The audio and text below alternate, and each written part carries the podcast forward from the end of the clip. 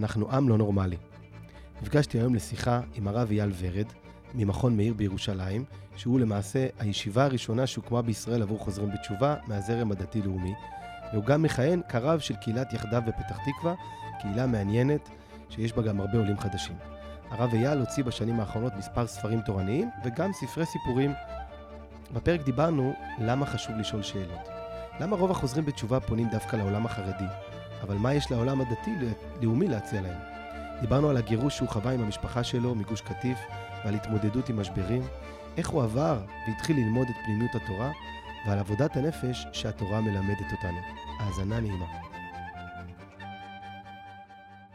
שלום הרב אייל. שלום וברכה, שלום דרור. איזה כיף להיפגש. אני זוכר שנפגשנו בפעם הראשונה לפני uh, שבע שנים לדעתי, בתוכנית רדיו שלך. כן, נכון. בדיוק יצאנו עם האלון קרוב אליך, והזמנת אותי לדבר על האלון. הייתה הפעם הראשונה שלי עם uh, מיקרופון, אז uh, הנה אנחנו סוגרים מעגל. כן. אני רוצה לשאול אותך על uh, עבודה שלך במכון מאיר. אתה מלמד שם כבר 13 שנה, uh, בצורה די אינטנסיבית, כמעט מדי בוקר, נכון? לא כמעט, מדי בוקר. מדי בוקר ממש. נוסע מפתח תקווה לירושלים כל יום. Uh, אני אשמח שתספר לי קצת, מה, מה עושים כל יום במכון מאיר במשך כל כך הרבה זמן? שאלה מתוקה מאוד. תראה, מכון מאיר, אני מניח שהוא מהווה מיקרוקוסמוס של עולם התשובה בכלל, אבל מכון מאיר זה מקום אה, מופלא מאוד. בעיקר בגלל היותו, אני קורא לזה מבולגן במהות. מבולגן במהות. כלומר, אה, אין שום אה, יכולת אה, לצפות מתי יגיע תלמיד, מתי הוא יצא, מתי הוא יעזוב. הם מגיעים כל יום והם עוזבים כל יום, והם מגיעים לתקופות מיום ועד שנתיים, ועד שלוש ועד חמש לפעמים. ולפעמים מגיעים ליום בשבוע לאורך uh, כמה שנים, כלומר, זה מעגלי uh, מגע, מעגלי מגע בכל הרמות. ובעצם uh, אופי העבודה במכון מאיר זה שאתה לא יודע לכמה זמן מגיע תלמיד, ובזמן שהוא נמצא צריך ליצור חיבור משמעותי, צריך ליצור אה, אה, התחברות הלבבות, התלכדות, צריך ליצור אה, איזשהו קשר אה, עמוק, איזשהו חיבור. אז זה אופי העבודה במכון מאיר. אני חושב שזה גם מאוד מאפיין אה, בכלל, אה, חיים של בעלי תשובה. התשובה תופסת את האדם באמצע החיים. זה לא שעכשיו הוא יכול לאפס את המעגלים שלו, וגם אנחנו לא רוצים שיעשה את זה, זה לא נכון שיעשה את זה. ולכן אה, המכון בעצם מהווה סוג של, נראה לי המקום שמנסה להתגמש הכי הרבה שאפשר כמוסד, כדי שכל מי שמגיע לכל תקופת זמן, ירגיש את עצמו שייך ובבית ומלווה. אה, הייתי גם אומר שעיקר העבודה שלי אולי, גם של רבנים אחרים במכון מאיר, זה ללמד את האנשים לשאול שאלות. תסביר. בעל, בעל תשובה מגיע, הוא מגיע כמובן בשלבים שונים וכולי, אבל uh, יש איזה הלם כזה, רגע, מה קורה כאן? מה... ואז אתה מנסים uh, לצמצם פערים, וכל שאלה בעצם חושפת כמה אתה לא יודע, ובאמת לא יודעים, לא יודעים הרבה. והתפקיד, שאחד התפקידים המרכזיים שלי זה לעודד אותם לשאול שאלות. תשאלו, תשאלו, תשאלו. מה שאתם לא מבינים, תשאלו. מה שאתם לא מכירים, תשאלו. אנחנו מתחילים כל יום את החבורה שלי בשאלות. מכל, לא, לא השאלות יש תשובות, חלק מהשאלות אנחנו עושים שיעורי בית, חלק מהשאלות אני מפנה אותם למקורות, חלק מהשאלות אנחנו לומדים ביחד. אבל uh, יום שהם הגיעו בלי שאלה, זה יום לא טוב. כאילו, אני אומר להם, מה זה, אין לכם שאלה היום? אתם, הכל ברור לכם, כבר הכל מסודר. זה מאוד מאוד עוזר, זה מאוד משחרר, יש לגיטימציה במכון מאיר לשאול, לשאול הכל. ובסוף, המטרה היא לייצר תהליך שבסופו של דבר, הרבי גון קורא לזה שהאדם ימצא את עצמו, שהם ימצאו את עצמם, ויהיו מחוברים, וימצאו בסוף גם את הדרך שלהם בתוך כלל ישראל, ולא רק יהיו עסוקים בלצטט רבנים, שזה שלב הכרחי כנראה בתהליך של בעל תשובה, אלא יהיה לו גם את ה... יהיה לו גם את האמת הפנימית שלו, שהוא מחובר אליה. אז אה, לשאלתך הראשונה, לקח לי זמן קצת להתרגל לזה. בהתחלה זה היה לי מאוד קשה. הדינמיות הזאת, התלמיד מגיע, עוד לא הספקת לטפל בו, כבר הוא, הוא כבר הולך הלאה, הוא כבר... וברגע שהבנתי שזה המקום, זה אופי העבודה,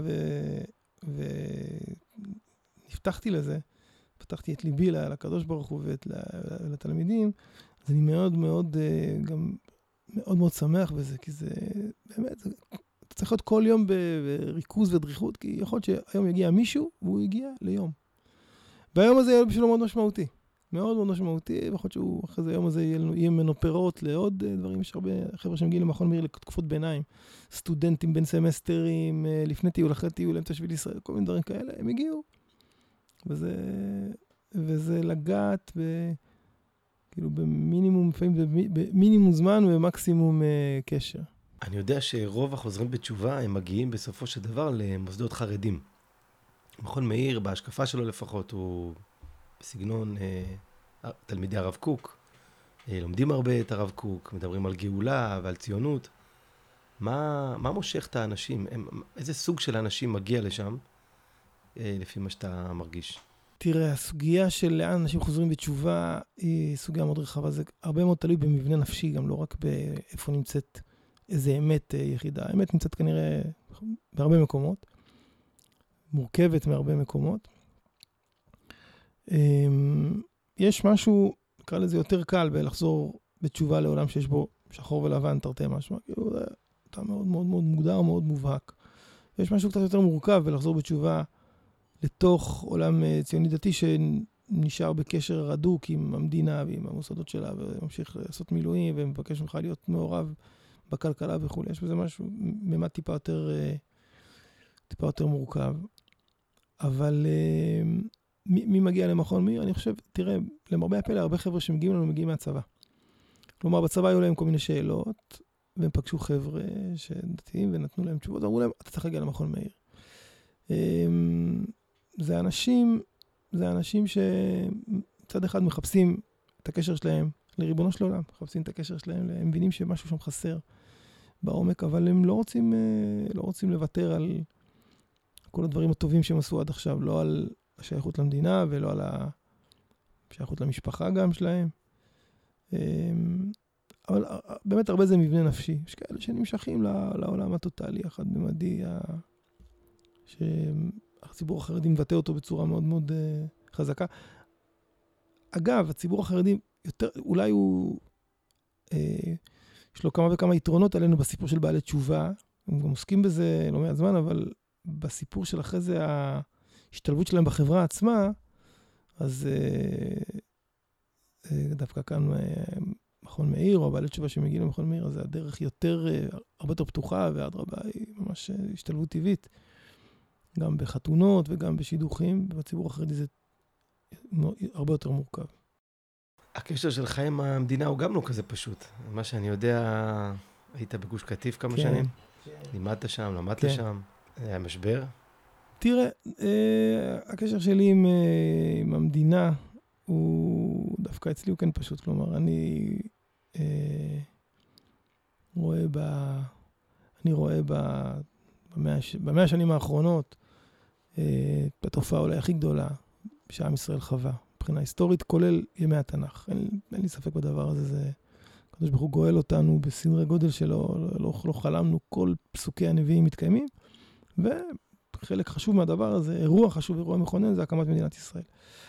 מדינת ישראל גם לפעמים עושה, עושה שטויות, כלומר, אה, אם אני קצת מדבר במושגים של הרב קוק, אז יש לנו את משיח בן יוסף, משיח בן דוד, הציונות היא משיח בן יוסף. האחריות של משיח בן יוסף זה לדאוג לשני דברים, קיבוץ גלויות ובניין הארץ. זה האחריות של, זה הכישרון של משיח בן יוסף. קיבוץ גלויות ובניין הארץ, ובכל פעם שמדינת ישראל עסקה בזה, בלקבץ גלויות ולבנות את הארץ, היא זכתה להצלחה מופלגת ביותר שלא היה כמוה דורות. משיח בן יוסף לא יודע לעסוק בקומה הבאה. של הזהות הפנימית. ובכל פעם שהוא בא לעסוק בקומה הבאה, זה חורבן טוטאלי. חוק מיהו יהודי, שהכניס לכאן הרבה מאוד גויים, ועוד כל מיני, אה, חוק הלאום שעבר ככה בשנייה האחרונה, שהוא צעד בכיוון החיובי, אבל הוא היה חייב, הוא היה כסוג של בלם כנגד uh, מגמות. Uh, ואת הקומה הבאה מכינים בבתי המדרש, אני מניח, מכינים ב... מה זה בדיוק uh, הדבר הזה שקם פה, המוצלח כל כך, שנקרא מדינת ישראל, לאן הוא הולך?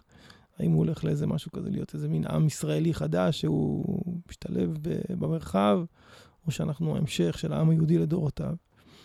אבל uh, אני בתודעה הנפשית, ברמה האישית, אחרי הגירוש, אני הרגשתי שאני צריך לעבור איזשהו תהליך פנימי שלי, ושם נפתחו לי uh, גם החיפוש וגם המציאה אחרי תורת החסידות וכולי, אבל ברמה הכללית, ברמת השייכות שלי, אז אה, אה, אני רואה בהקמת מדינת ישראל את אחת התופעות, אולי התופעה הכי גדולה בתנ"ך, אה, ואת מה שעם ישראל עובר עכשיו כתופעה מיוחדת מאוד, עצומה בגודלה, הקדוש ברוך הוא מתגלה לנו דרך המאורות ההיסטוריים. והחוכמה היא בסוף לחבר בין שניהם, כלומר שהתהליך הגדול גם יפגוש אנשים uh, קטנים בקצה שהם יושפעו ממנו וילכו בעקבותיו. איך התמודדתם עם המשבר הזה ברמה האמונית? Uh, תראה, נצרים, אנחנו גרנו בנצרים, היה, הייתה מקום uh, חזק. Uh, באמת לא היינו עסוקים יותר מדי, קצת, כן, באבל, היה צריך תקופה של אבל, אבל השתדלנו אחרי זה כבר לחפש את ה... את המשימה הבאה, את השליחות הבאה. תראה, זה... זה... בלי ספק זה היה משבר. בעיניי זה היה משבר, גם uh, מעבר למשבר האישי ולקושי האישי וכולי. הרגשתי שהמדינה שאנחנו כל כך אוהבים תפסה כיוון גרוע מאוד, תפסה כיוון הפוך ממה שצריך להיות, כן? בכל בחינה שהיא. את השיקוף של זה ראינו אחר כך, שנה אחר כך במלחמת לבנון השנייה. צבא שעושה מה שהוא לא צריך לעשות, מתעסק עם אזרחים, מגרש אותם, מדינה שמקבלת החלטה נגד uh, מה שהיא החליטה בבחירות ועוד ועוד. הייתה מין, זו הייתה לדעתי איזה מין, uh, לא יודע, סטייה מוזרה מהדרך, כמעט אפשר להגיד גזרה כזאת, ואת המחיר משלמים עד היום. אולי, אולי יש משהו במחיר שמשלמים, שפוגג לחלוטין את כל החלומות על איזה מדינה פלסטינית וכו'. לכולם פשוט הוא ברור שמאן דכר שמיה, ולא יכול להיות שום... רק, רק אנחנו צריכים לתכנן לביטחון שלנו, שיכול להיות שהמחיר הזה לא, לא מצדיק ולא שום דבר, אבל הוא איזשהו אה, גורם חיובי שיצא מה, מהסיפור הזה. אתם עוזבים את גוש קטיף, ואחרי פחות משנה פורצת מלחמת לבנון השנייה, שפתאום אתה מתגייס במילואים. כן. ל... זה, זה סיפור ארוך, לא נספר עכשיו את כולו, אבל אה, שנה בדיוק אחרי הגירוש מגוש קטיף, בי"ט באב, הגדוד שלי נכנס ללבנון. אנחנו היינו גדוד 8112 בחטיבה 679, וזה היה בליל שבת עקב, זה היה בתאריך, זה היה בדיוק שנה אחרי. וכמובן היה קשה מאוד להימנע מה, מההשוואות, איפה היינו לפני שנה, איפה אנחנו עכשיו. ושוב פעם, ברמה האישית לא היה לי ספק, כמובן, ברגע שפרצה המלחמה וקיבלנו צו 8, אז מיד הגענו, אין זה בכלל, זה ברור. אבל ברמה הציבורית הכללית, כל מי שהיה במלחמת לבנון השנייה, כל מי שהוא היה ראש ממשלה, נפתלי בנט, הרגשת בחוש שאין סייעתא דשמיא. כשכלום, מה שעושים כלום לא הולך. נותנים פקודות, חוזרים, נותנים פקודות, חוזרים, תיכנסו, תצאו, לא, תעצרו רגע באמצע, הכל כזה, אתה אומר, מה, איפה, זה, זה לא צה"ל, זה לא, מה, מה קורה כאן, איפה ההחלטיות, איפה, זה, בואו תגידו מה עושים. נמרח כזה כמו מסטיק, אין ברכה בעיסה, מה שנקרא. אז אה, וזה לי, לי זה היה ברור, כלומר, זה אותו רמטכ"ל, אותו צבא, אותם מפקדים שעשו את, ה, את, ה, את הפעולה הכל כך גרועה שנה קודם, לא, לא יוכלו להוביל, לניצחון.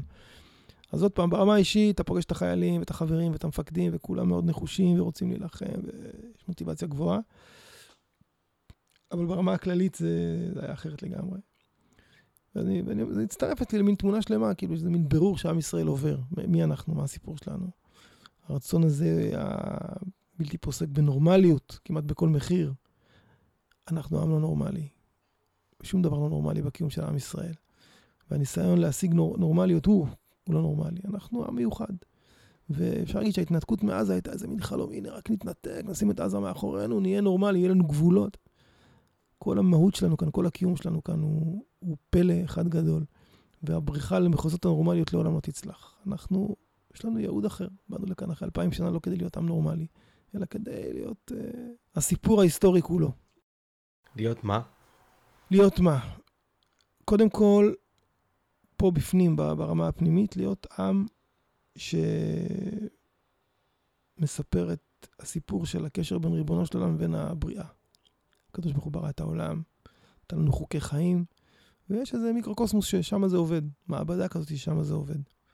איך נראית כלכלה, איך, נראה, איך נראית משפחה, איך נראה, איך נראה יחיד באיך שהוא מתנהג, איך שהוא הולך, איך, איך נראה קשר, איך נראית תפילה. שרוב העולם מחפש תפילה, רוב העולם מחפש uh, קשר עם, uh, איך זה נראה, איך זה, איך זה קורה, הנה פה אצלנו. Uh, מהמקום הזה, מה, מעם ישראל, תוך כדי, כדי להיות מאן דאמר בקרב אומות העולם, צריך להיות גם נורא נורא מוצלח כלכלית וביטחונית וצבאית. יוצאים דעות נכונות לאומות העולם. אתה יודע, יש היום הרבה אנשים שהמידות שלה, מתוקנות, אבל הדעות מאוד משובשות או רחוקות, דעות נכונות. אז לכאן יבואו שגרירים, יבואו uh, אנשים, יבואו משפחות, ויראו איך, איך נכון לחשוב, איך נכון, uh, איך, איך נכון שיהיה קשר בין אדם לבין אלוהיו, איך מתנהגת משפחה, איך נראה עם, איך נראית אומה, איך נראית קהילה. נשמע מאוד יומרני. כן, אבל זה קצת, זה קצת קורה היום. קצת, היום אנחנו בעיקר בשלב שישראל נהיית איזה מין מעצמה כלכלית כזאת וצבאית כזה, לא, כולם ככה מכבדים מאוד מאוד, ו, ופתאום אתה שומע גם ליד זה כל מיני אה, אמירות אה, מוסריות, אמירות עקרוניות, ש, שמדינת ישראל, או חברות בישראל, או החברה בישראל, אה, מנפיקים לעולם, נגיד עכשיו הסיפור של החיסונים. איך נראית מדינה שמאוד מאוד דואגת לאזרחים שלה, וחותרת לבריאותם, ואיך נראה בכלל היכולת להגיע אליהם ולרפא אותם, ויש לנו בכלל כאן חוק בריאות חינם, כלומר כולם זכאים, מה זה אומר למדינות אחרות. המון המון דברים יכולים אה, לצאת ויצאו מציון, תצא תורה לעם ישראל ולאומות העולם. זה דרך כנראה ארוכה, אבל... אבל זה הסיפור, זה הסיפור. כלומר, עכשיו, זה ברור שמכל העולם מחכים לשמוע, כי בסוף האדם נברא כיצור מחפש משמעות. אתה יודע, היה פה נשיא ארצות, אה, סגן נשיא ארצות הברית לפני כמה שנים, מייק פנס, נתן נאום בכנסת, ברור שלא הוא חיבר את הנאום, היום אנחנו יודעים שהרב זקס עזר לו. אבל הוא, הוא, הוא בעצם אמר, תדעו לכם, הסיפור האמריקאי כולו מושרה מהסיפור שלכם. כלומר, אה, והקמת מדינת ישראל נתנה תיקוף לסיפור הזה. גם אנחנו עזבנו ארץ אה, ששעבדה אותנו וחצינו את הים לעבר הארץ המובטחת ורצינו לבנות חברה צודקת, והקמת מדינת ישראל בעצם נתנה תיקוף לסיפור שלהם, מחודש. אי אפשר להתעלם מזה. זה, אי אפשר להתעלם מהשייכות של אומות העולם לקול הגדול שמביא איתו עם ישראל, בתנאי שאנחנו בעצמנו נביא קול גדול, ולא נתנהג כמו שכ... מי ששוכח מי הוא באמת. אבל אני חייב להגיד שרוב הדברים שדיברת עליהם, גם החיסונים וגם המשפחה והדברים האלה, הם לא בהכרח אה, חלק מבית המדרש. אני חושב שהם כן קשורים לבית המדרש. יש דברים שהם פנימיים של עם ישראל, נבואה שתחזור, ו... ו... וכל מושגים של קדושה, ובית מקדש, וטהרה, אבל זה כן קשור לבית... בעיניי לבית המדרש של עם ישראל.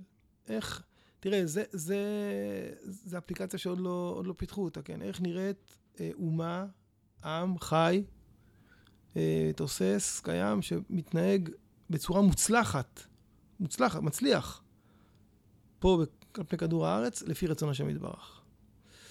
אה, כשהוא אוחז ב, באידיאלים הללו, כלומר, איך נראית חברה שהיא רווחית מאוד והיא נותנת צדקה? איך נראית משפחה שהיא מוצלחת והיא שומרת על, על, על טהרה? איך נראה חברה שהיא מאוד מאוד אוהבת לעבוד ולעשות והיא שובתת בשבת ושובתת בשביעית? אה, איך נראה, איך נראית אה, חברה שנושאת בתוכה את המטענים ההיסטוריים שלה ודואגת לשמר אותם ולחזור עליהם בחגים ובמועדים ולהעביר אותם לדור הבא. זה מין אה, מיקרוקוסמוס לאיך איך נראה העולם, איך, איך, איך, איך יכולה לראות חברה, חברה בריאה ומתוקנת. כל פנים, זה, זה ודאי ציר ארוך, צירים ארוכים, ובינתיים אה, אולי אם, אנחנו, אם אני חוזר רגע לעולם התשובה, אז באמת בעלי התשובה הם אולי הכי הכי האנשים שיכולים לעשות את החיבורים בין העולמות. את הסינרגיה הזאת, הם מגיעים עם uh, איכויות מדהימות של עולם החול שממנו הם הגיעו, וחיבור אל הקודש, והרבה בסטנדרטים מאוד מאוד גבוהים. עשיתי פעם איזה חשבון כזה שרוב המהפכות בעולם הדתי קרו על ידי בעלי תשובה. הרב שטיינזלץ, שהפך את הגמרא, שינה את כל הזה מקצה לקצה. זה מהפכן אחד, ועוד אה, כאלה שדווקא הגיעו מבחוץ. גינזבורג, שהוא גם כן אה, בעל תשובה. כן, שלמה קרליבך לא בעל תשובה, אבל כאלה אנשים שהיה להם איזשהו... חוו דברים בחוץ ונכנסו פנימה ויצרו את החיבור הזה שטיס את הכל למעלה. בשנים האחרונות אתה התחלת ללמד הרבה מאוד חסידות. כן. שמתי לב. שפת אמת, אני מאוד מאוד אוהב לשמוע את השיעורים שלך. אה, ויש לך גם עבודת הנפש על הפרשה, שהיא גם הרבה פעמים יונקת מעולמות החסידות, אפילו מאמרים של הרבי מלובביץ' ודברים נוספים.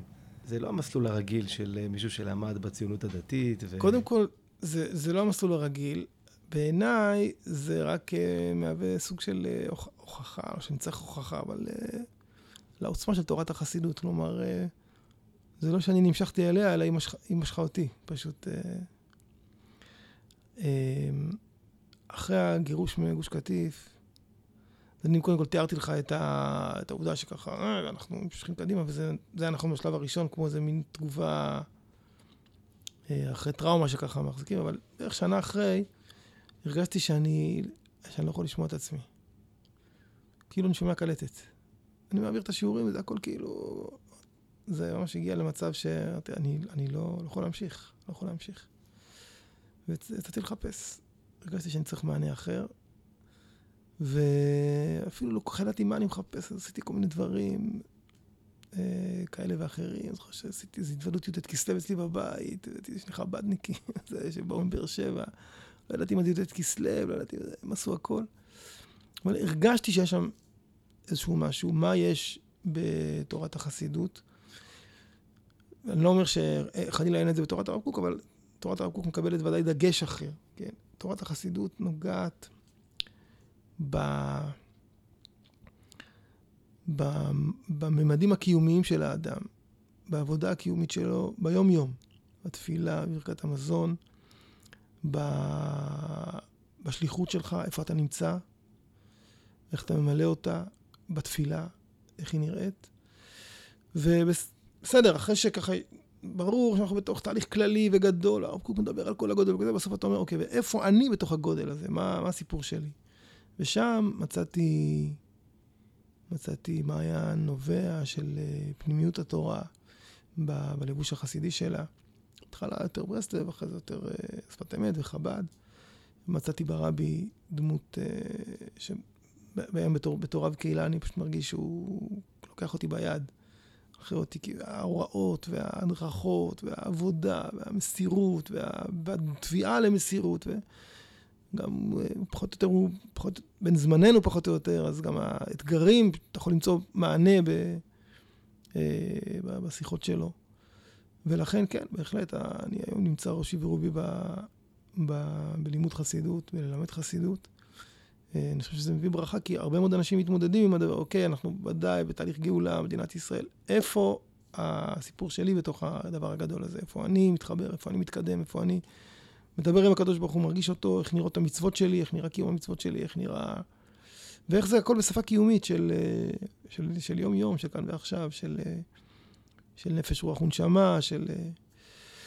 בתוך כל הדברים האלו, גם קצת לפני וקצת אחרי, ודאי תוך כדי, תוך, כדי הדברים, אז גם uh, uh, התחלתי ללמוד דברים של הרב גינזבורג, שהם בעיניי, uh, גם כן, זה יכול לקחת את, את פנימיות התורה ולתת לה לבושים בתחומים הכי הכי רלוונטיים, משפחה, זוגיות, חיבור תורה ומדע, נגינה, uh, תובנות פנימיות, חינוך ילדי, כל הדברים שמעסיקים אותנו בצורה אה, שיטתית, רפואת הגוף, בצורה שיטתית, בנויה על פי פנימיות התורה. תאמור כי טוב השם. ככה אני מרגיש על, אה, על תורת החסידות. עם איזה רעיון אתה מרגיש שאתה הולך איתו? אה, כל כך הרבה, אבל אני אגיד, אני אגיד כמה משפטים, כן? כמה רעיונות שהולכים איתי. קודם כל, אני מאוד הולך עם הסיפור של הבעל שם טוב, על הבעל שם טוב. שכשנולד ילד יהודי הוא היה שם את ידיו הקדושות על הלב שלו ומברך אותו שתהיה יהודי חם.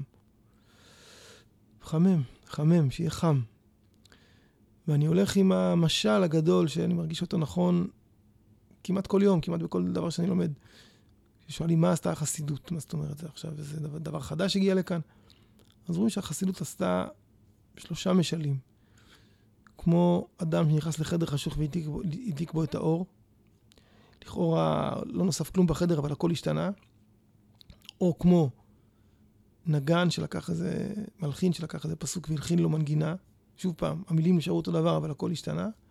או כמו מי שיוסיף, לקח אוכל והוסיף לו תבלינים. תבלינים זה לא אבות מזון, אבל הם משנים את הכל. זה מין איזה לימוד כזה, שבכל דבר שהוא נוגע, הוא מאיר בו את אור העצמות שלו. בין אם זה בלימוד הלכתי, בין אם זה בלימוד, אה, בכל לימוד אחר, אתה מתרגל להתבונן, התבוננות אה, פנימית. ואני באמת חושב, במיוחד אה, בתוך המכלול של נגיד מכון מאיר, שבאמת יש הרבה מאוד לימודים רחבים וגבוהים וגדולים, המקום הזה שבסוף לחבר את זה לעבודת הנפש, כל פרשת שבוע, מה, איזה דברים לוקחים ממנה לעבודת הנפש, איך אנחנו, כן, פרשת השבוע שאנחנו עכשיו תולדות, איך סתם, איך מתמודדים עם טעויות, יצחק טעה. מה צריך כדי, אחרי שאתה טועה, להגיד גם ברוך יהיה. כדי להגיד שכשעשיתי משהו שתכננתי זה אני, אבל כשטעיתי זה רק הקדוש ברוך הוא. ולהגיד רק גם ברוך יהיה, קוראים לזה מידת ההשתוות, שהכל שווה בין. וכן על זה הדרך. אז אה, אני מסכים איתך לגמרי עם השאלה, זה לא שאני, כאילו, אני גדל, המסלול שלי היה מסלול אחר, כן? אבל uh, הגירוש ועוד משהו קרה שפשוט התחלתי לחפש, התחלתי לחפש, ו... וכשמחפשים אז מוצאים, צריך להיזהר. אתה במקור מפתח תקווה, עשית סיבוב, ועכשיו אתה עוד פעם בפתח תקווה. אמ, באמת, זה, זה גם כן דבר uh, מפלאי הקדוש ברוך הוא. Uh, עזבתי את פתח תקווה בגיל 18, שמחה גדולה, היה לי מאוד כיף לגדול כאן. יש פה אנשים uh, טובים ועיר מקסימה, אבל המשכתי הלאה, הלכתי לגולה, הלכתי לירושלים, לצרים, כאילו, ו... והקדוש ברוך הוא גלגל אותנו לכאן חזרה. אני זוכר להיות פה רב קהילה, קהילת יחדיו בפתח תקווה, אנשים מופלאים, 150 משפחות, כ-20 משפחות של עולים מברזיל, וזו קהילה שקמה, בעצם קמנו ביחד, זה שבע, שבע משפחות שחלמו להקים קהילה, והם אמרו, אנחנו קודם כל נביא רב, ואז נכתוב תקנון, נביא רב, ולדבר הזה נציע לאנשים להצטרף. ונוצר בינינו איזשהו קשר, גם כן בצורה מופלאה כזאת. שאלו אותי אם אני רוצה, זה היה ככה בדיוק אה, בשנתיים אחרי, שלוש שנים אחרי הגירוש, והרגשנו, אשתי ואני, שהקדוש ברוך הוא לוקח אותנו, אנחנו לא להתערב עכשיו, לא להפריע. ונחתנו כאן חזרה, קמה כאן קהילה, ברוך השם, אה, מתוקה מדבש. קהילה שמשתדלת לעבוד את השם. השפה החסידית שכבר הייתי בה מצוי מאוד מאוד uh, מועילה, נקרא לזה ככה, בתוך המרחב הקהילתי, שמנכיח רצון להתקדם בעבודת השם, ושל תפילה משמעותית, ושל uh, התוועדות, ושל uh, שיח פתוח, ושיח חברים, ושל של לב פתוח. יש לנו חבורה בתוך הקהילה, בתוך הקהילה זו חבורה טיפה יותר uh, של 20, שאנחנו ממש נפגשים כל שבוע בענייני עבודת השם. חבורת לך אמר ליבי נקראת. אבל זו שפה קהילתית בעצם נהיה, וברוך השם, רבים מצטרפים לזה, רצו להצטרף לזה, מצטרפים לזה, רוצים להיות חלק מהדבר הזה. יש איזו תפיסה כזאת בעולם הדתי-לאומי, שבעצם חסידות ו... וה... ותורת הרב קוק הם אה, לא הולכים ביחד. כי תורת הרב קוק, כמו שאמרת קודם, היא מאוד מאוד כללית, היא מאוד גדולה, היא מאוד רחבה. אתה תמיד חלק ממשהו הרבה יותר גדול ממך, שכל היהדות אומרת את זה, אבל מאוד שם את הדגש, לעומת uh, תורת החסידות שאיכשהו תמיד נשמע כאילו היא מדברת על הפרט, על היחיד.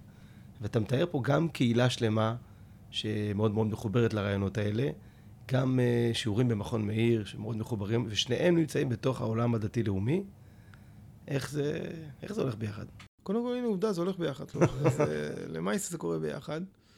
אמ, אני חושב שמי שהכי הכי צריך את... Uh, לימוד החסידות, זה דווקא מי שמחובר לרב קוק, או בכלל לתקופה הכללית. אני קורא לזה כדי לא להפך להיות פרשן של המציאות. הרב קוק אומר את המהלכים הגדולים, אז אה, הנה עכשיו, המשבר הזה, זה מה שהרב כתב פה. אתה מחובר לדברים גדולים, זה מצוין. חייב להתחבר בסוף גם ל, ל, לפרקטיקה, לפרקטיקה של, לחיבור של עבודת השם אה, ביום-יום, ואגב, וגם הפוך, כלומר, אה, גם הפוך. לימוד אה, חסידות בלבד, אמ, אולי בעיקר, נגיד, ברסלב בעיקר, יכול לשים את האדם במקום מאוד מאוד קטן, מאוד פרטי, מאוד כזה מצומצם, מה שמעסק אותו זה רק הוא בעצמו, ואם יש שלג באומן או אין שלג באומן, וכן על זה הדרך. ולהיפתח בהקשר הזה, חב"ד הם מצד אחד מאמרים מאוד מאוד עמוקים בהשכלה וכולי, מצד שני הם בוודאי עושים אה, אה, פעולות רבות מאוד במישור של כלל ישראל, ולכן בעיניי יש המון המון קרבה בין חב"ד לבין הרב קוק. אם מתעקשים על ההגדרות, אז הם רואים במדינה עדיין גלות, והרב קוק, אה, התחלת ידי גאולה, אני נמצא בהקשר הזה לגמרי בצד של התחלת ידי גאולה ואמצע הגאולה וזה.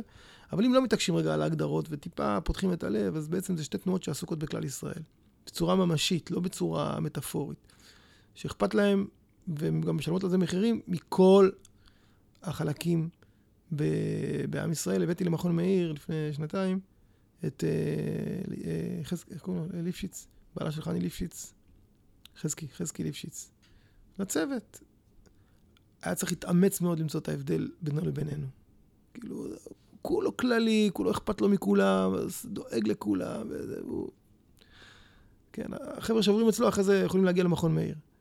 אז לכן, בעיניי, קודם כל, אני, אני גם מרגיש שאני לא איזה פרש בודד בזה, יש ברוך השם רבים, רבים, רבים, רבים בציבור הדתי-לאומי שמוצאים בחסידות, אה, אפילו אני לא אגיד משהו משלים לרב קוק, אלא זה, זה פשוט, אה, זה הולך ביחד, בישיבת רמת גן, הרב יהושע, בישיבת יצהר עם הרב דידוסקביץ', ובעוד מאוד מקומות שמרבים, בישיבת רמת השרון, מרבים בלימוד אה, חסידות, וזה הכל, נראה לי שהרב דודי קורא לזה חסידות ארץ ישראלית, יש לו איזה מין הגדרה כזאתי. חסידות ארץ ישראלית. חסידות שהיא עבודת השם, אבל בתוך, בתוך המציאות, לא מחוצה לה. כן, אולי יש הרבה סיפורי חסידים שמדברים על איך, ה, איך המצווה מנצחת את המציאות, כן? איך אה, למרות שקפוא, ישנים בסוכה, איך למרות שאין אתרוגים, הגיע בסוף איזה אתרוג מתשובה. לא, אז אנחנו בארץ ישראל וישנים בסוכה, כי נעים, אפשר לישון בסוכה, בארבעת המינים הם מהודרים, ויש כאן איזה שדרוג גם לתורת החסידות בעצמה, שדרוג של... אה, של, אה, של ה... ברגע שהיא מגיעה לארץ ישראל. אני אגיד עוד משהו, שבעיניי גם כן מאוד מאוד uh, מושך אותי, בכלל בתנועת החסידות, ובמיוחד בחלק החב"די שבה, וזה, ה... לא נבהלים מהעולם הזה. לא נבהלים. כל טכנולוגיה, כל זה, הוא לכתחילה כדי להאיר אור אלוקות בכל מקום. והיחס הזה, אני חייב להגיד, אה, הוא שובה את ליבי, כלומר, במקום להיכנס לזה עמדת מגננה, מה זה מגננה? למה הקדוש ברוך הוא ברא את הדבר? הכל אלוקות, אז למה הדבר הזה בא לעולם? הוא בא לעולם בשביל הדבר הזה, קדימה, תסתער על זה, ת, תפיץ, תשתמש, ת, ת, ת, תעבוד. אז זה גם כן איזו גישה שלא רק רואה בעולם הזה איזה מקום שצריך לעבור אותו, אלא רואה בעולם הזה את עיקר העבודה, את הדירה בתחתונים, כמו שאומר אדמו"ר הזקן. וככל שזה יותר תחתון, זה יותר דירה. אז גם התפיסה הזאת היא מאוד מאוד מקבילה לקודש שבחול של הרב קוק, אבל היא מדברת בשפה יותר uh, קיומית וקונקרטית מאשר הדברים שכתב הרב קוק, שהם יותר פיוטיים. אתה חושב שגם בעלי תשובה ומתחזקים שנמצאים אפילו בשלבים הראשונים שלהם יכולים ככה להגיב לעולם הזה? באיזה שלב זה בא? זה, זה מאוד מאוד, ברור שלא בשלבים הראשונים. בעל תשובה בשלב הראשון, הוא קודם כל צריך, uh, כדי, ש... כדי שיהיה אה, באמת אה, שינוי, אז קודם כל צריך אה, להתמסר לתורה. אתה מדבר איתי עכשיו, היו, היו שנים שישבתי ולמדתי, לא עשיתי שום דבר חוץ מלשבת ללמוד. זה היה הרבה מאוד, וזה היה טוטאלי. כבר, כשעשיתי את זה, לשבת וללמוד. לומדים, לומדים. ואז בשלב מסוים, כשאדם כבר מתפתח, הוא מתבשל, ויש לו איזשהו... רוכש איזה מבט על החיים, אז, אז כן, אז קדימה יסתער. כן, צא, צא ל... צא לשדה ותתחיל לעבוד. באמת בחב"ד, בניגוד לקבוצות אחרות במגזר החרדי, לא מעודדים ללמוד בכוללים. כן. זה לא מקובל. לא. יש איגרת של הרבי, שאיזה ראש כולל שולח לו שאלה, שואל אותו איך, אה, מה לעשות סדרי הלימוד בכולל וכל זה. אז הרבי עונה לו, שישבו כמה עשרות אברכים וילמדו לעצמם, אני לא מכיר לזה יותר. אם אתה, אם אתה שומע בקולית, תפרק את הכולל, תשלח אותם לרבנות ולחינוך. גירת כזאת חזקה. אז כן, טוב, זה שלבים, שלבים. חב"ד, עד גיל 21 הם גדלו בתוך, אה, בתוך מציאות מסוימת, אבל אה, בעל תשובה שמתחיל את החיים שלו, אז ברור שאתה חייב קודם כל איזשהו מספר שנים. חמש שנים חז"ל אומרים, נכון, בתוך שלב ראשון שאדם קודם כל לומד, שידע מימינו ומשמאלו, מי נגד מי. אחרת זה סתם, זה מהשפה ולחוץ. חוץ מזה שאתה רב קהילה ומלמד במכון מאיר, אתה גם כותב ספרים. עד היום הוצאת שישה ספרים לאור. כן. כותב ספרים זה... זה הגדרה יפה, אבל היא לא לגמרי מדויקת. אני לא לגמרי כתבתי ספרים, אלא כתבתי סיפורים. והסיפורים, פתאום אחרי כמה סיפורים שכתבתי, אמרתי, אוקיי, זה בעצם יש פה ספר, כי הם פתאום גם התארגנו לי. ולא תכננתי לכתוב ספר, אלא זה קרה אחרי שהספר הראשון יצא, ספר הסיפורים, אז יצא גם ספר סיפורים שני בעקבותיו. זה, זה שני ספרי הסיפורים. בטח סיפרתי מעשה ועד שמצא. הספרים על השפת אמת, זה ספרים שכ, שכתבתי, כן, כאילו בצורה מסודרת, אבל גם זה היה סוג של פלא, כי פגשה אותי אה, האחראית על אה, הוצאת הספרים בדני ספרים, והיא ראתה שיעורים שהעברתי בשפת אמת במכון מאיר, היא אומרת לי, בוא תסכם את השיעורים, והיא אמרה לי אז הגדרה מאוד מאוד יפה. היא אומרת, עם ישראל כבר לא רוצה על, אלא רוצה את. אל תספרו לי על השפת אמת, אני רוצה את. אבל צריך טיפה לתווך. קצת לתווך, אז בואו נעשה את. באמת שני הספרים האלה, אני מאוד אוהב אותם. אחד הוא על פרשות השבוע ואחד על המועדים. כן. באמת, בכל פרשה אתה לוקח שני קטעים של השפת אמת, כן. ומבאר אותם בשפה ישראלית מאוד, כן, כן. מאוד עמוקה. השם, אה, וגם מאוד קליטה. כן, זה באמת... אז זה, זה ספרים אה, מתוקים מדבש. אה, אבל גם כאילו, אתה יודע, פתאום נפלו שתכננתי לכתוב, פתאום באה מישהי וביקשה, אז אה, משם זה יצא. אז זה, זה ארבעה. הספר החמישי זה ספר שהקהילה, קהילת יחדיו הוציאה, לכבוד עשר שנים לקהילה, הם אה, חדרו למחשב שלי, גנבו משם את כל הדרשות שאני מעביר, אז הרבה פעמים אני גם כותב אותם ושולח אותם לקהילה, אז... אה, והוציאו ספר בעצם על המועדים, זה נקרא פניך אבקש. סיפורים ותורות שנאמרו לאורך השנים בקהילת יחדיו, כולל כל מיני מיילים ששלחתי ארוכים, בהם, אה, סביב כל מיני מועדים או כל מיני אירועים וכולי. הספר הזה מעבר ל- למעגל השנה שיש בו, הוא גם איזו הצצה לעבודה של רב מול קהילה. אז אה, גם הרבה רבני קהילות אולי קצת יכולים ליהנות ממנו, נהנים ממנו. אז אה, זה ספר ככה הפתעה, זה כמו שנולד לך ילד בלי שידעת בכלל ש... לא מומלץ. לי- כן, הגישו לי אותו. אבל בהקשר הזה מומלץ. כן, כן. והספר השישי זה רמזי אלול. על אה, חודש אלול, רמז... 30 רמזים. כולנו מכירים את הרמז, אני לדודי ודודי לי, יש לי רוב מתנות לאביונים. אז אה, התחלתי ככה... ראשי תיבות של המילה אלול. כן, ראשי תיבות, סופי תיבות של המילה אלול בתנ"ך. כשהנחת העבודה היא שכל אה, מקום כזה בעצם מסתיר איזושהי תובנה שקשורה לחודש אלול. יש לך ממש 30 רמזים שונים, כן, 30 ראשי תיבות, סופי תיבות וכולי, שבכל אחד מהם אתה נותן רעיון קצר שמנסה להסביר את הקשר כן. של כן, זה לחודש אלול. וזה... ספר מאוד מיוחד. כן. עכשיו, יש רמז עכשיו בפרשת חיי שרה. אה, ויבוא אברהם לספוד לשרה ולבכותה. אז אברהם לספוד לשרה ולבכותה זה ראשי תיבות אלול. זה טוב, מה זה קשור לאלול? אז היינו בספר. יש אה, עוד... אה, יש, יש דברים שהם ממש אה, מן העניין. נגיד בעזרת השם בפרשת מקץ. כי לולא התמהמהנו כי עתה שבנו זה פעמיים. כאילו, זה פסוק שמדבר על תשובה, ותשובה על התשובה, והכל בלולא. אז זה, זה רמזי אלול. ועכשיו אני עובד על ספר, הספר השביעי, כל השביעין חביבין, שנקרא נפשי חמדה. אה, מה זה הספר הזה? אז לאורך השנים, אני זוכה להעביר את השיעור נפש הפרשה בכל שבוע במכון מאיר. אה, זה ככה שיעור אה, משמעותי לי, אני חושב שגם לעוד כמה אנשים. ומדי פעם, יש איזה שיעור שאתה אומר, תשמע, השיעור הזה הוא לא רק לפרשה הזאת, הוא, זה אמת פנימית שצריכה ללכת איתך כל השנה. איזה מין תובנה כזאת, חזקה, שמתיישבת, לפעמים אתה נופל על איזה מקור כזה שהוא מטלטל אותך, אני, סתם פתאום צף לי איזה מקור. אה, על פרשת נשוא. יש מדרש, ואחרי זה הבאנו תורה של הרב שמחה בוני, נדמה לי. מדרש אומר, יפה את רעייתי כתרצה, דבק ירושלים. יפה את רעייתי כתרצה, יפה כשאת רוצה. ככה המדרש מפרש. מה הכוונה? זה מדבר על הנשיאים שהביאו את העגלות צו. משה רבנו נותן מפרט מדויק מה צריך להביא למשכן. פתאום הם באים לו עם שש עגלות צו, זה, זה עגלות גדולות. אז המדרש מסתכל, והמדרש מספר שמשה רבנו מסתכל, הוא אומר, מה, מה קורה כאן? כאילו, מה אני אמור לעשות עם הדבר הזה? לא, לא, לא צוויתי. הקדוש ברוך הוא אומר לו, קח מאיתם.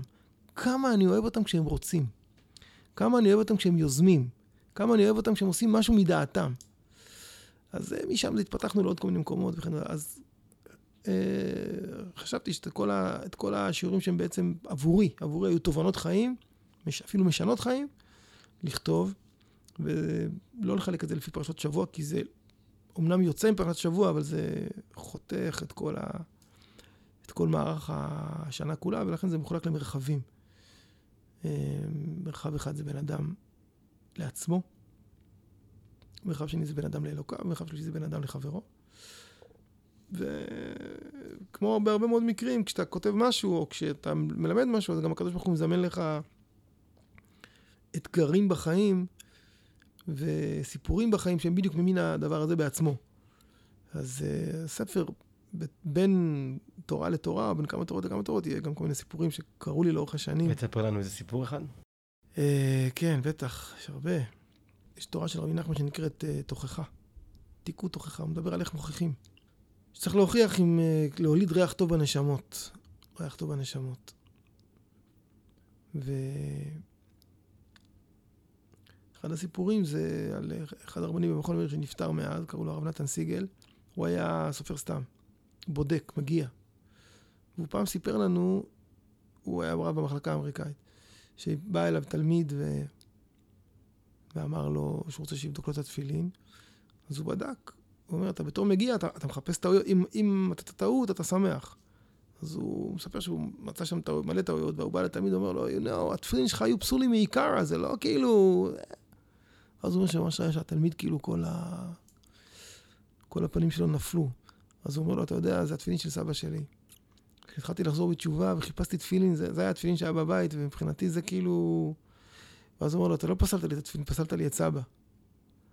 אז הוא אמר, למה אמרתי לו שהתפילין, הייתי צריך להגיד לו שהן פסולות, אבל הן ישנות, הן נפסלו לפני שבוע, כאילו, בגשם. למה אמרתי לו את ה... כמה צריך להיות... אה, זה סיפור אחד. כן, יש עוד סיפור שדיברנו על ה... באחד התורות, שדיברנו על ה... איך אפשר לנצח את הרע, הטוב לנצח את הרע, מין דיבור כזה. אז uh, הייתי ב... ממש בערב שבועות, נסעתי לאזכרה של הרב uh, יהודה מוצפי. זכר צדיק לברכה, היה משמש לרב אליהו, הוא נפטר. והשלושים היה ב... ממש בערב שבועות, הוא נפטר בה' באייר, משהו כזה, ד' אייר, ה' באייר, אז שלושים היה ערב שבועות. בבית כנסת במחנה יהודה שם. נסעתי, היה דרשות, היה זה. בדרך חזרה עליתי על הרכבת הקלה, ועלה שם בקרון איזה מישהו, כנראה לא, לא, לא, לא, לא מאה, מבחינה נפשית, ומישהו אמר, בקיצור, הוא התחיל לקלל קללות, מה זה קללות, חרפות וגידופים. אה, מאוד מאוד לא נעים, ואני אומר לעצמי, וואי, ערב שבועות, אני צריך לשמוע כאלה קללות. אמרתי, זהו, אני יורד מהרכבת, אני לא, אני יורד, אני אקח רכבת אחרת, לא רוצה לשמוע את זה. עוד לפני שהספקנו להגיע לתחנה, מישהו בקרון התחיל לשיר, אתה בחרתנו. אז כל הקרון הצטרף, כדי להשתיק את ה... הוא מקלל ואנחנו שרים, וכל הקרון שר, ו... ופתאום אתה רואה את הכוח של ה... מעט מהאור דוחה, התחיל לשיר, כל הקרון נדלק. קראתי לזה אז הרכבת הקלה בכף. טוב, שאלה אחרונה שאני רוצה לשאול אותך להיום. אה, אתה פוגש כל בוקר, מתחזקים ברמות כאלה ואחרות. איזה עצה אתה יכול לתת למי ששומע אותנו ורוצה לעשות את הצעדים הראשונים שלו ביהדות, רוצה להתקרב, ולא תמיד מצליחים למצוא את הדרך המתאימה. קודם כל אני רוצה לחזק את מי שישמע אותנו ולדעת, כמו שאומר רבי נחמן, אני יודע שישנו בוודאי. תדעו שיש אוצר גדול של טוב ואור אלוקי, שמשנה לאדם את החיים. ממש כך. אה, אבל העצה שאני אה, רוצה לתת, אמרתי אותה גם בתחילת דבריי, אל תפחדו לשאול. אל תפחדו לשאול. תבואו ותשאלו כל מה שיש לכם. תשאלו ותקבלו תשובות גם. לא תמיד uh, כל התשובות, uh, לא תמיד התשובות הן... Uh, אבל אל תפחדו לשאול, כאילו, בעל תשובה לפעמים הוא נורא נורא רוצה, אבל הוא מפחד שאם הוא ישאל, אז הוא... השאלה זה הכלי המרכזי שלכם להתקדם.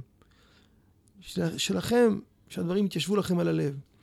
וגם השאלה היא הכלי המרכזי שלכם לגשר בין העולם שהייתם בו לבין העולם שאתם הולכים אליו. כי אי אפשר למחוק את העולם שממנו באת. לא את בני המשפחה ולא את ההורים. והשאלה, הצפת הקשיים, עוזרת ליצור קשרים, ובסופו של דבר, אני אומר שבעלי תשובה זה עבודת יד. כלומר, כל אחד הוא מיוחד, ויש כל אחד יש את האתגרים שלו והסיפור שלו, ואין איזו הוראה גורפת, אבל העצה הזאתי, לא לפחד לשאול שאלות, לא לפחד להגיד, את זה אני לא מבין, זה נראה לי מוזר, זה נראה לי משונה, למה זה ככה? אה, אפילו ככה בחוזקה. כדי שתהליך התשובה יהיה תהליך אמיתי, פנימי, עמוק, שהוא שלכם, ולא תהליך שאתה כאן נדחף באיזה מקום ואתה עובר מדבר לדבר וכבר. ויש לתורתנו הקדושה גם הרבה מה, מה, מה לענות, כן? אבל העיקר הוא בשאלה. אני חושב שאנשים, אה, אולי אפשר לחלק את העולם שניים, אלה ששואלים שאלות ואלה שלא. מי ששואל שאלות, התשובות כבר יגיעו אליו, אבל העיקר זה השאלות. אל תפחדו לשאול. אל תתביישו לשאול. אה, אל תמעטו מלשאול. תהיו מוסיף והולך בדבר הזה. הרב ורד, תודה רבה. היה לעונג. תודה רבה. אני מקווה. שניפגש עוד פעם לפני שבע שנים הבאות. אמן, אמן. אני פוגש אותך כל שבוע באלון המתוק קרוב אליך. תודה רבה. אם נהניתם מהפרק, אתם מוזמנים להאזין לפרקים נוספים בפודקאסט שלנו, מחפשים תשובה. חפשו אותנו באפליקציית ההסכתים שלכם, או באתר של נאורה. נשתמע.